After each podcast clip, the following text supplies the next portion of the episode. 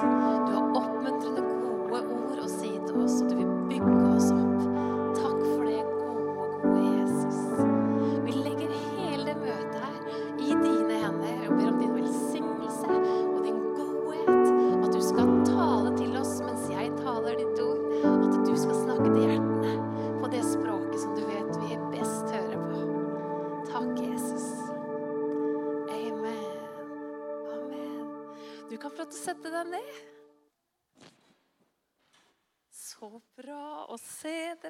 sammen.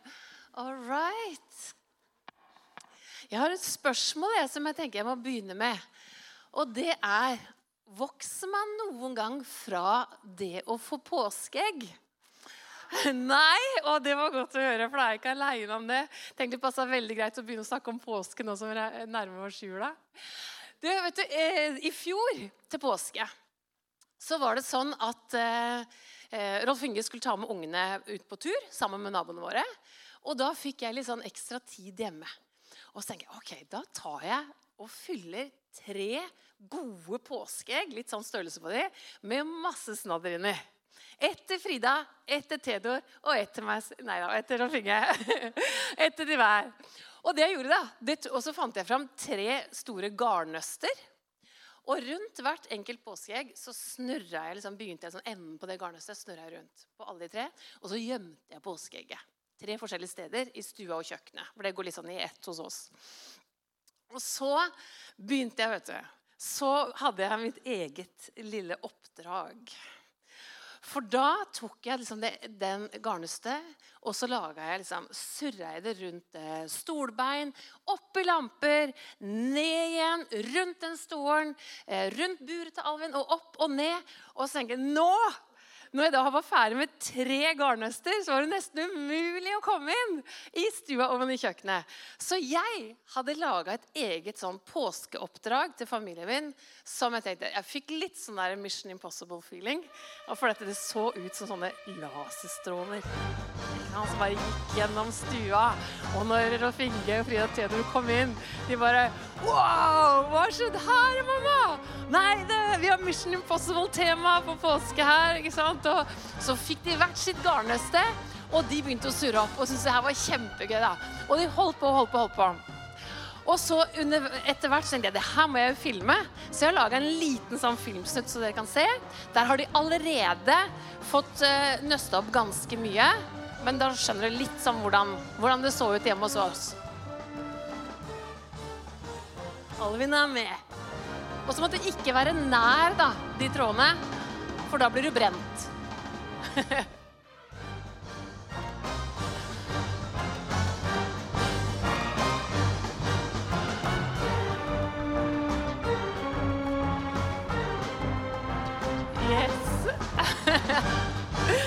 kan ta og slå deg. Takk skal du ha, Petter. Det som var så gøy, da, det var liksom det oppdraget. Men det som var enda morsommere, det var jo påskeegget ikke sant? i enden av eh, den lange ledetråden som førte til Og I Lukas 15 så snakker Jesus om det å leite og det å søke. Og det skal vi lese sammen.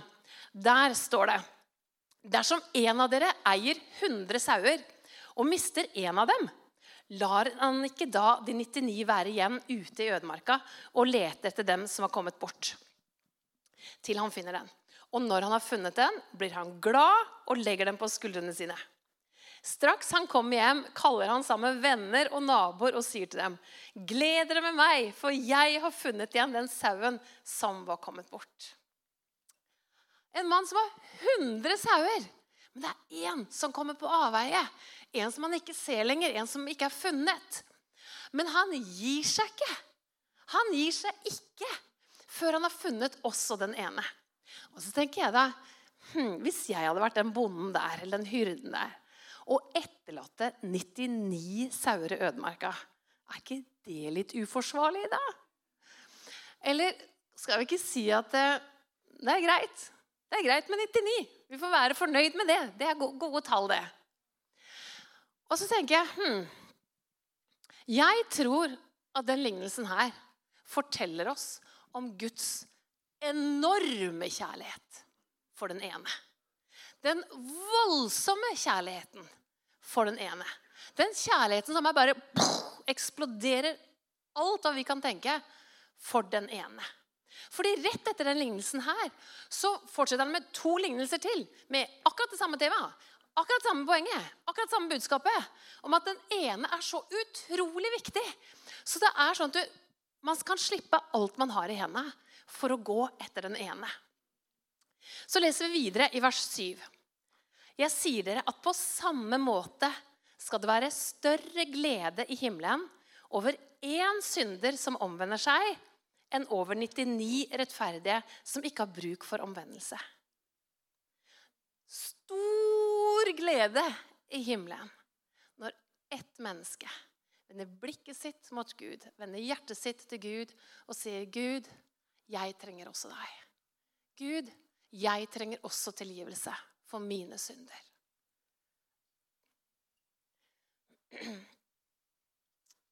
Da Arena var på Osebakken Er det noen som var med på den tida der? Opp med han. Ja, en god del. Det var før vi flytta inn her på Folkets hus. Så holdt vi til på Osebakken. Og jeg husker én tale der som Jan Christensen holdt. Og det er far til Kenneth, Jarle, Merete, som mange av oss kjenner. Og den har den satt seg hos meg en sånn fortelling som noe han sa da. For han fortalte om en gang han var i Afrika, for han var misjonær i Afrika.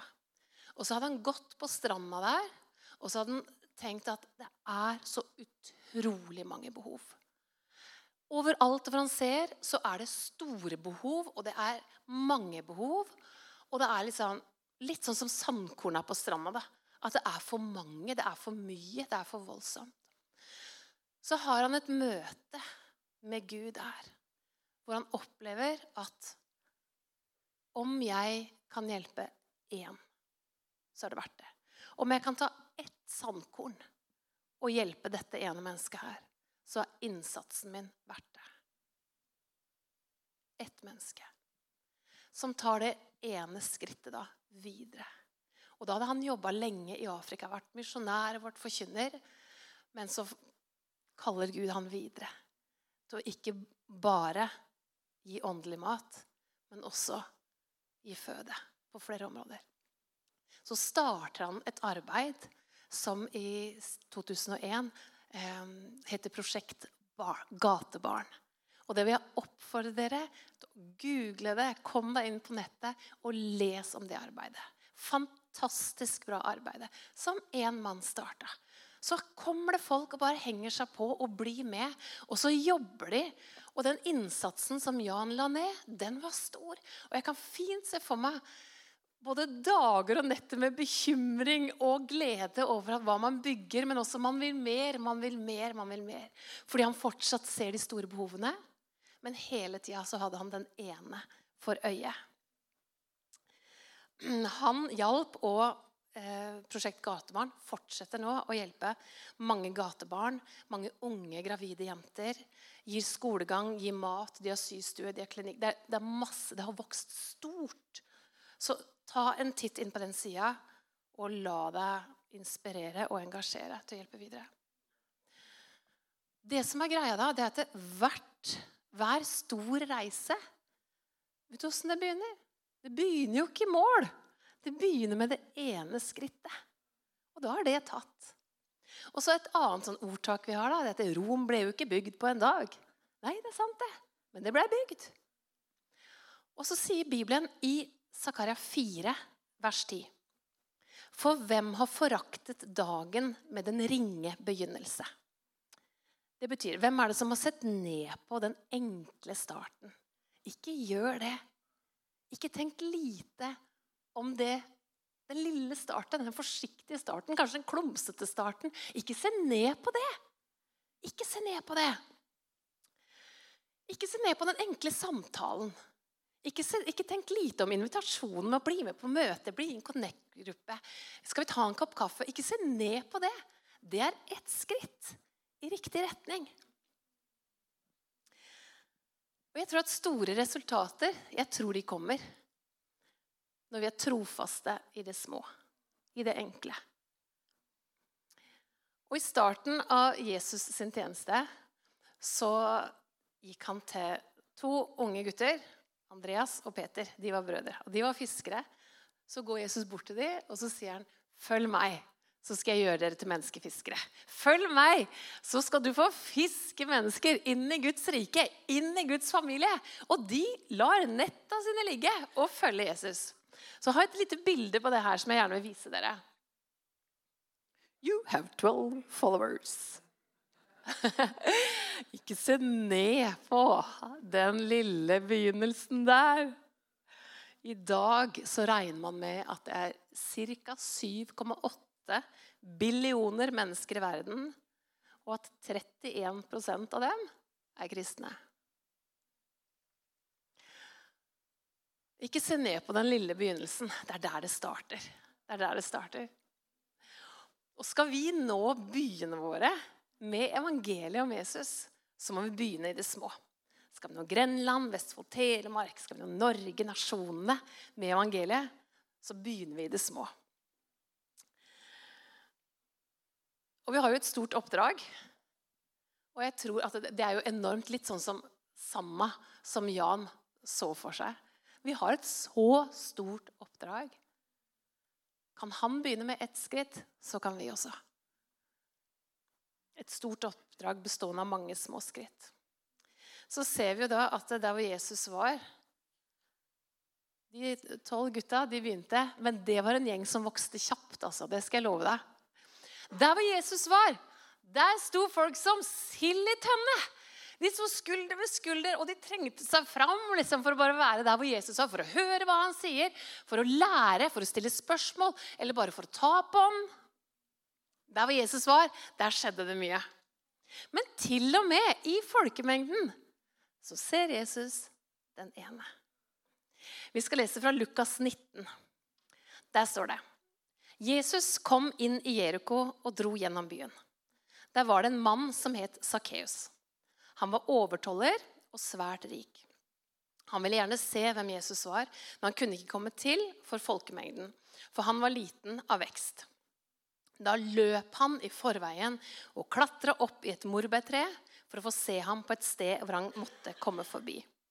Og da Jesus kom dit, så han opp og sa til ham, 'Sakkeus, skynd deg og kom ned, for i dag må jeg ta inn hos deg.' Han skyndte seg da ned og tok imot ham med glede. Til og med i folkemengden så ser Jesus den ene. Og hva resulterer det i, da? Vi leser videre, vi. Men da de så det, altså hele folkemengden, klaget alle og sa han har tatt inn som gjest hos en syndig mann. Da sto Sakkeus fram og sa til Herren, Se, Herre, jeg gir halvparten av alt jeg eier, til de fattige. Hvis jeg har tatt noe fra noen ved falske anklager, gir jeg tilbake fire ganger så mye. Jesus sa til ham, 'I dag har frelse kommet til dette hus.' For også han er en Abrahams sønn. For menneskesønnen er kommet for å søke og frelse det som var fortapt. Et møte med Jesus, det gjør noe med det. Det gjør noe med det. Vi snakker om identitet i høst. Sakkeus var liten av vekst. Det er ikke gøy å være liten. Det er ikke gøy å ikke strekke til. Det er ikke gøy å komme til kort. Men han var rik. Er det ikke sånn at det, de svakhetene som vi har, eller som vi kan se på selv som en svakhet, så ønsker vi å kompensere.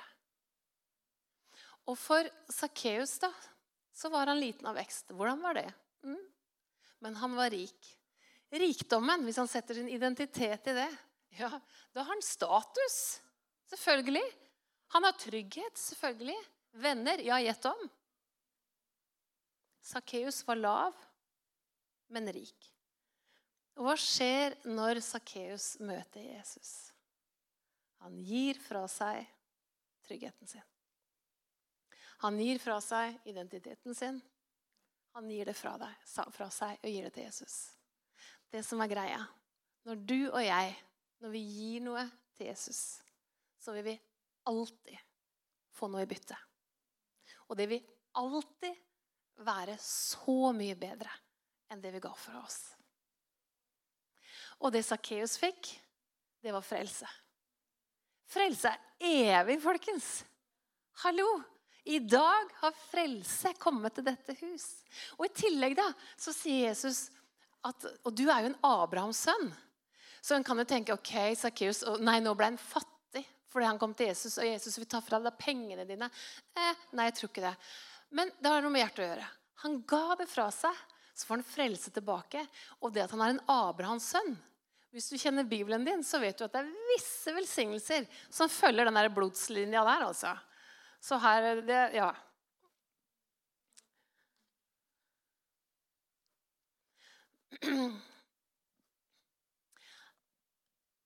Som sagt så snakker vi om identitet, og jeg tror at én um, ting er å vite hvem Gud er. Og det kan vi aldri få nok av. Å forstå han nok. Liksom. Bare, han kan åpenbare seg igjen og igjen og igjen på større og større, og større måter. Og så er det om å gjøre for oss å favne det. Og så når vi kjenner han, hvem han er, så kan du også vite hvem du er. Hva sier han om deg? Hvem er du? Men én ting da, er jo folk som ikke kjenner Jesus. Gud har jo masse godt å si om de også. Gud har en helt annen identitet å gi dem med. En helt annen tro, en helt annen tankegang om hvem de er, enn det de kanskje tenker om seg selv. I Jeremia så står det at det, jeg vet hvilke planer jeg har for dere. Jeg vet hvilke tanker jeg har om dere. Det er fredstanker, ikke tanker til ulykke. Og det verset der, det tok vi med oss. Skal fortelle litt om halloweenfesten som vi hadde her. Men før det så vil jeg bare si en annen ting også. Gud har gode tanker for folk som ikke kjenner han. Gud er ikke sur på folk fordi de ikke kjenner han. Gud er ikke sinna for at folk vender ham ryggen eller har et feil bilde av ham. eller noe sånt. Det, det er ikke vår Gud. Gud er kjærlighet, og han elsker alle mennesker utrolig høyt. Så han har gode ting å si. Og det som er da, Selv om vi vet det, så kan det koste meg ganske mye å liksom fortelle om Jesus eller si noe om Gud. og tenke, å, 'Hvordan lander det her? Hva tror de om meg nå?' Eller 'Å, tør jeg det?' Her er det en sjanse til å si noe, men passer inn. Kjenner dere igjen i sånn? Ja, ikke sant? Sånn usikkerhet og menneskefrykt. og sånn. Så i dag så ønsker jeg å be at vi ber sammen for frimodighet. For vi har et så himla bra budskap. Bokstavelig talt. Og så kan menneskefrykt være det som hindrer oss i å fortelle. Og det er så dumt. Men hvis vi har frimodighet, så er det akkurat som det preller litt av. Og tenker, men det kan jeg vel, Dette skrittet kan jeg vel ta? Så blir man tryggere i det. Og om ikke man er så voldsomt trygg i det, så tenker jeg nei, jeg, får, jeg klarer ikke helt å hoppe uti der. Nei, jeg får stupe da, med huet først, og så gjør man det. Så liksom beveger man seg framover likevel. Ok, Tilbake til halloweenfesten. Um, for noen uker siden, nå, slutten av oktober, blir det, så arrangerte ungdommene her på huset de arrangerte en svær halloweenfest. Fantastisk bra alternativ til de andre halloweenfestene som vi ser rundt omkring. Da var det 160 ungdommer her inne i bygget. Her inne i salen. Det kokte av energi og glede, og de hoppa og dansa. Og Theodor og Tina og vennene der og gjengen og lederskapet i Arena Ung de var helt rå! De hadde kåringer og konkurranser og DJ rave party. og De hadde bare masse greier. Og lys og lyd og bilder. Det var et fantastisk gøyalt show. Det, det, åh, ja, De kommer til å gjøre det igjen, så da burde du være medarbeider. for da får du Det med deg, du også. Det var kjempegøy. da. Og så, eh, De hadde en andakt om den fortapte sønn. Kjempebra vet du, å fortelle om, for det var mange der som ikke var kristne. i det hele tatt. Å fortelle om Guds hjerte for hver enkelt igjen. Og det var lovsang, og det var mye, mye gøy. Så det var liksom det som skjedde inne i salen her. Og så hadde de laga boder rundt omkring i resten av bygget som ungdommene bare fløy fra den ene boden til den andre og gjorde ting. Og det var basket, det var gratis sukkerspinn, det var kinesiske godteri. Når du, ja, når du gikk forbi den boden der med kinesisk godteri Det, det fins sikkert masse godt kinesisk godteri. Men det var ikke det de hadde plukka ut. Det var forferdelig godteri. Det, altså, jeg har jo bikkje, så jeg vet liksom at den kan være glad i griseører og, og, liksom og bitebein av hest. liksom. Så det, var, det stinker jo hele huset. Og sånn var det å gå forbi den boten bare. Og det, og det fikk ungdommene da, lyst, ikke lyst til å smake på. De fikk muligheten til å smake på, så det var kjempegøy. Og jeg husker ikke alle bodene, men det var masse boder rundt, rundt omkring i hele bygget. Og så hadde vi laga en eh, bod inn i kafeen. Og da hadde vi eh, satt opp en stor lavvo. Og den, jo, den, fylte ganske mye der inne. Ved siden av et hoppeslott, husker jeg. Og så pynta vi den lavvoen. For den var svær, ikke sant? så vi putta to sofaer inni med puter og litt lys. Så det var egentlig veldig, litt sånn glamping. Veldig sånn ålreit å være der inne. Og det vi gjorde da, så tok jeg og ringte noen av venninnene mine. Og så spurte jeg har du lyst til å være med på noe gøy. Ja, ja, hva er det? Nei, vi skal sette opp en sånn lavvo, og så eh, skal vi ha foran skal vi ha en sånn eh, skilt hvor det står 'Good fortune'. God fremtid. Og Vi baserer det her på Jeremia, hvor Gud sier 'Jeg vet hvilke tanker jeg har om deg'. Fredstanker. Og jentene var jo med med en gang. Det var Judy ble med, og Kristin Mangring ble med, og Camilla Vimdal ble med. Var, og så kledde vi oss ut som engler veldig enkel, enkle engler med sort, sort bukse og hvit skjorte. Og så hadde jeg kjøpt noen Glorie. da. Jeg sa dere får legge deres egen hjemme. Skal vi få låne min isteden? Nei da. Og vinger hadde vi jo. Eller Judy hadde vinger. Så står Judy da på utsida, og så begynner hun å danne seg en kø. Hva er det her? Og Judy forteller. vet du. Nei, det her er sånn. Når du går inn i teltet, så vil du møte på Kristin. Så det her er sånn oppmuntringstelt. Og Kristin hun vil be en enkel bønn til Gud for deg. Og de går Wow, kult! Liksom. Eh, er det noe mer der inne? Ja, ja. Og så litt bortafor så sitter det to andre damer. Og de, de, ber til Gud og spør om det er noen tanker Gud har for deg. Og så vil de fortelle de tankene som de har hatt til deg. Så det blir oppmuntring får du fra de to. Oi, nei, så gøy det. Og så samler de seg noen ungdommer. ikke sant? Og så kommer de inn i teltet, to og to eller tre og tre. Og jeg må jo være ærlig og si at jeg tenkte jo på forhånd at det er jo våre egne ungdommer ikke sant, som, som søker mot et gudsord. Nei, det var ikke det. Det var ikke mange av våre egne. Men altså, det var Til sammen så telte vi ca. 40 stykker som var innom. Og sånn grovt regna åtte av ti var ikke-kristne. Og det snappa vi opp ganske fort. Så vi bare ok, vi bare legger det helt ned og gjør det så enkelt og så bra som mulig. Så det var jo show utafor med Judy. var gøy? Ja.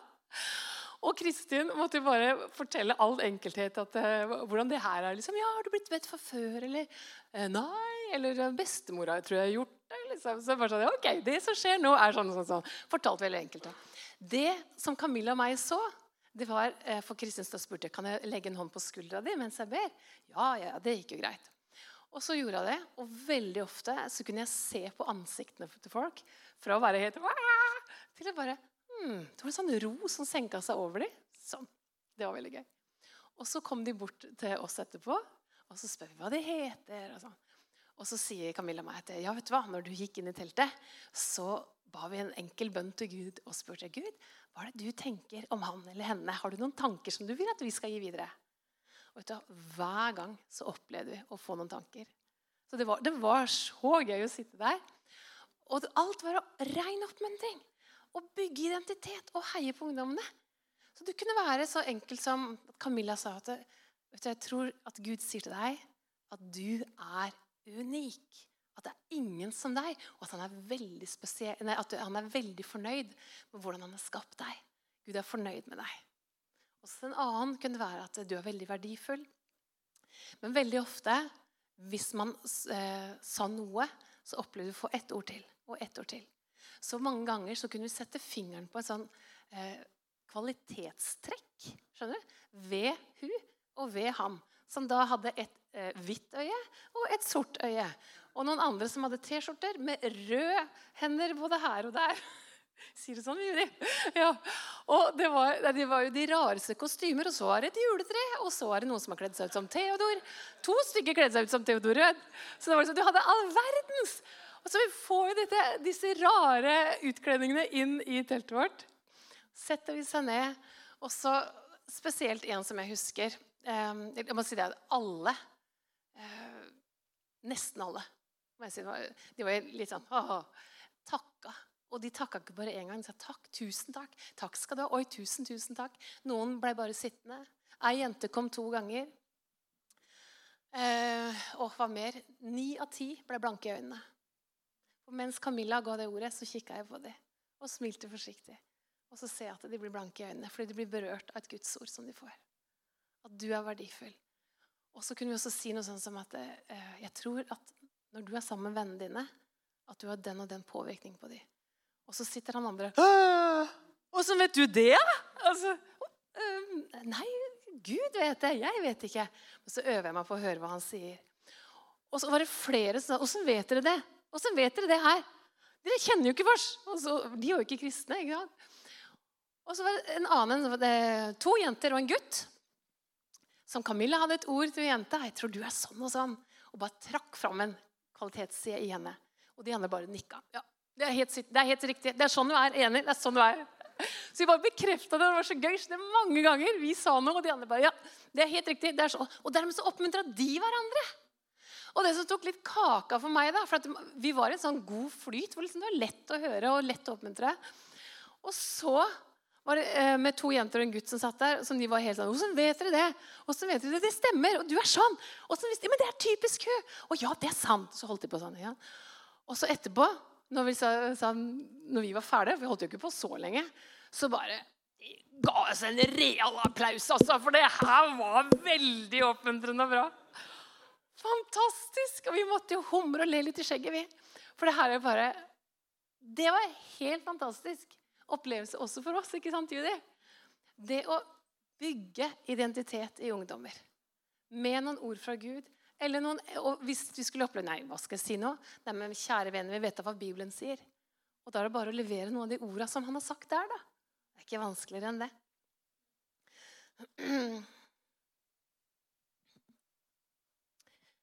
Um, himmelen tror jeg gleder seg over at ett menneske finner veien hjem til Gud. Ett menneske. Og jeg tror at du og jeg vi kan være sånne mennesker som leder folk på den veien. Og hvordan gjør vi det, da? Nei, jeg tror kanskje det handler om å ta tak i en sånn ledetråd. Sånn som jeg viste innledningsvis på, på den eh, videoen. Du tar tak i en ledetråd, og så følger du den. Hva, hva er en ledetråd? Behov som du ser. En samtale som du tar. Du deler troa di. Forteller om Jesus. Forteller om Gud. At du gjør det, det er en sånn ledetråd.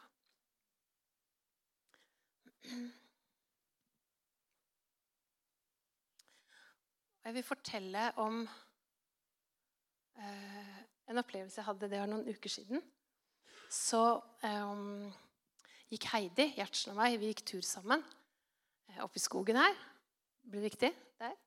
Ja, jeg har ikke retningssans. Oppe i skogen. Her. Du må svare, Fink. Er det der? Det er der, takk. ja. Oi, oi, oi.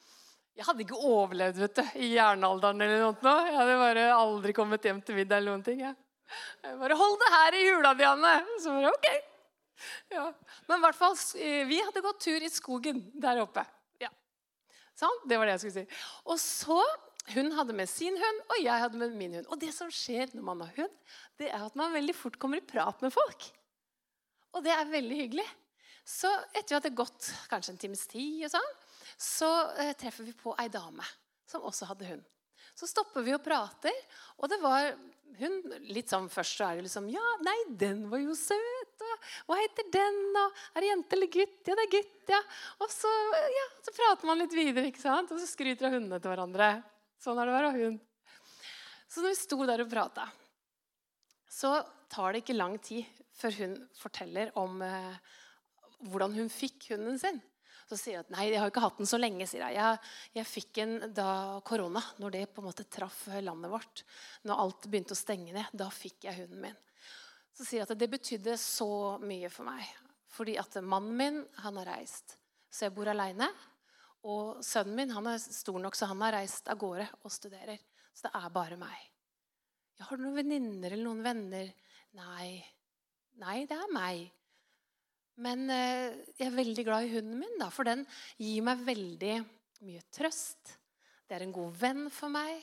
Når jeg har hatt det tungt, så er det den som kommer til meg. Eh, og den får meg ut på turer, så jeg får frisk luft. Så hun skrøyt veldig av den hunden og hva den betydde. Og så sier jeg videre Og i, i det korona bare treffer landet vårt, og landet stenges ned, så får jeg eh, beskjed om at jeg har kreft. Så jeg reiser inn på Rikshospitalet og hjem igjen. Og så er jeg i gang med behandling. Men jeg har ikke noen med meg. Men jeg har Theo, da. Der var ledetråden min. Heter hunden din Theo? Ja, han heter Theo. Ja, vet du hva Theo betyr? Nei, det har jeg aldri tenkt på. Nei, det vet jeg, for sønnen vår han heter Theodor. Så jeg vet hva Theo betyr. Vil du vite hva det betyr? Ja, ja, gjerne det. Theo betyr Guds gave. Hun Og så tok hun hunden sin og klemte den godt. Guds gave. Og så sa jeg, 'Jeg tror at Theo er Guds gave til deg gjennom den tøffe tida som du har vært igjennom.' 'Jeg tror at himmelen ser deg og har sendt Theodor til deg.' Det trodde hun også. Hun var ikke kristen, men hun har tatt, det ble et skritt for henne, tror jeg. Kan få nærmere Gud på en måte. Det var ledetråden min. Ta de mulighetene som kommer. Jeg ønsker um, det står jo at Gud har lagt ferdig gode gjerninger. Så får, så det har han gjort på forhånd, og så skal vi få gå i de. Det er litt sånn hvis du tenker at det, at det er snø til kneet eller noe. ikke er, ja. Og så ser du et spor at noen har gått der før. Å gå i fæle gjerninger da, det er jo bare å tråkke opp i det opplagte sporet. Det, ja. Nå kommer jeg på en festlig historie, forresten. Vi tar den bare sånn i farta. En gang vi hadde opplevd noe veldig vondt og var litt nedfor, så så vi noen eldre damer. Så jeg må ta den. Dere vil høre den? Ja, ja, ja. Vi, vi var langt nede. Jeg hadde hatt en ny spontanabort med utskrapning og alt. Vi skjønner. Det er, ja, huff for meg. Ja, bare så du skjønner, Det er så langt ned vi var. Og vi bare gråt i ukevis. Så kjører vi hjem fra sykehuset, og alt er bare mørkt. Og så er det noe med de her lysglimta som får en opp. Og da var det To sånne sett med spor i snøen opp til knea med snø. Og så ser vi to eldre damer med handleposer, ja. Litt tunge. Som da skulle gå i de her. her da. Og eldre damer de sliter litt med balansen i det de skal liksom klare dette her. Men greia var at de starta feil. de starta sånn, og så gikk de sånn. Begge to. Og det så kjempemorsomt ut. Og da når vi, hadde, vi var jo så mye sorg i oss, og da bare lo vi så godt. Altså. Oi, oi, oi. Vi bare venta. Vi kjørte bil, vi kunne ikke stoppe og hjelpe. eller noen ting. Men hadde vi stoppa, tror vi bare det stått og ledd. Hadde vi ikke det? Peka og ledd. Noe sånt noe. Men kanskje det er noe av det samme vi gjør når Gud har lagt ferdig og lagt gjerninger. Bare start riktig. Starter du feil, det går bra, det også. Men det er litt sånne spor som du kan tråkke i, for det er lagt ferdig. Gud har vært der allerede og forberedt for deg. Og det er litt sånn ledetråd. Når du ser et behov, eller at sjansen byr seg for å si noe og dele om Gud, så kan du ta den sjansen. Men som jeg sa, ofte så er det med frimodighet som bare å, det holder oss tilbake. Så jeg skal avslutte nå. Eh, Pål, der var du. Kan ikke dere komme opp? Pål og teamet. Kan begynne å spille litt? Jeg vil avslutte med å be en bønn til Gud for dere. Og det som er kult, det er at når vi ber, hva skjer da? Vi får. Vi får det vi ber om. Og når vi ber om frimodighet og mot og kraft, så tror jeg Gud vil gi oss det. Og det er ikke noe å være redd for. Det er ikke noe sånn 'Å, plutselig så må jeg gjøre storing'. Nei, vet du hva? Hvis det er museskritt du må starte med, ja, men da er det museskritt, da som Gud har lagt forut for deg, som du kan vandre i dem. Han kjenner deg. Han er bare god. Så kan du få lov til å bringe evangeliet videre. Gode nyheter videre der hvor du er. Du som ønsker at jeg spesielt skal be for deg. At du vil ha frimodighet. At, og jeg ønsker også frimodighet. Ønsker mer frimodighet, for jeg, jeg, vet at det holder meg tilbake noen ganger. Så der hvor jeg er nå, så er det sånn mm, Det ønsker jeg mer av. Hvis du er der sammen med meg og vil at jeg skal be for deg, så vil jeg spørre deg om å reise deg opp. Så skal jeg be for de av dere som reiser seg opp. Ja, men hvorfor det, da? Da skiller jeg meg ut. Ja, men det er det som er det første skrittet, da. Skjønner du? Så da kan du bare nå mens jeg prater, hvis du ønsker at jeg skal be for deg, så reiser du deg opp. Og du kan også bare sitte. Det er ikke noe press fra noe hold her. Du vet hvor du er i din vandring med Gud, og du vet hva du trenger nå og ikke trenger nå. Så er det ikke noe press. Men kjenner du at jeg vil ha mer frimodighet? Jeg ønsker ikke at noe annet skal holde meg tilbake, slik at ikke jeg får delt Jesus med andre på en god måte. Mm. Yes, Da tar vi og ber. Takk for dere som reiser dere opp. Så ber jeg for dere nå. Takk, gode Gud.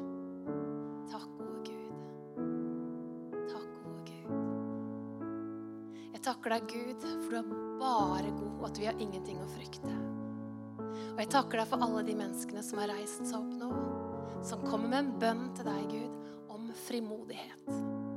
Og jeg ber i Jesu navn om at du fyller hver enkelt en med frimodighet. En ny frimodighet fra himmelen. Nytt mot, ny kraft, ny glede, ny frihet over å fortelle andre mennesker om deg. Om å spre din godhet og spre din kjærlighet i ord og gjerning. I Jesu navn så forløser jeg ut frimodighet. I Jesu navn forløser jeg ut frihet. I Jesu Kristi navn. Og jeg vil tale ut Josva 1,9 over dere. Vær frimodig og sterk. Frykt ikke, og mist ikke motet. For Herren din Gud er med deg i alt du tar deg fore. Kan vi andre også reise oss opp sammen, så skal vi fortsette å lovsynge Gud sammen.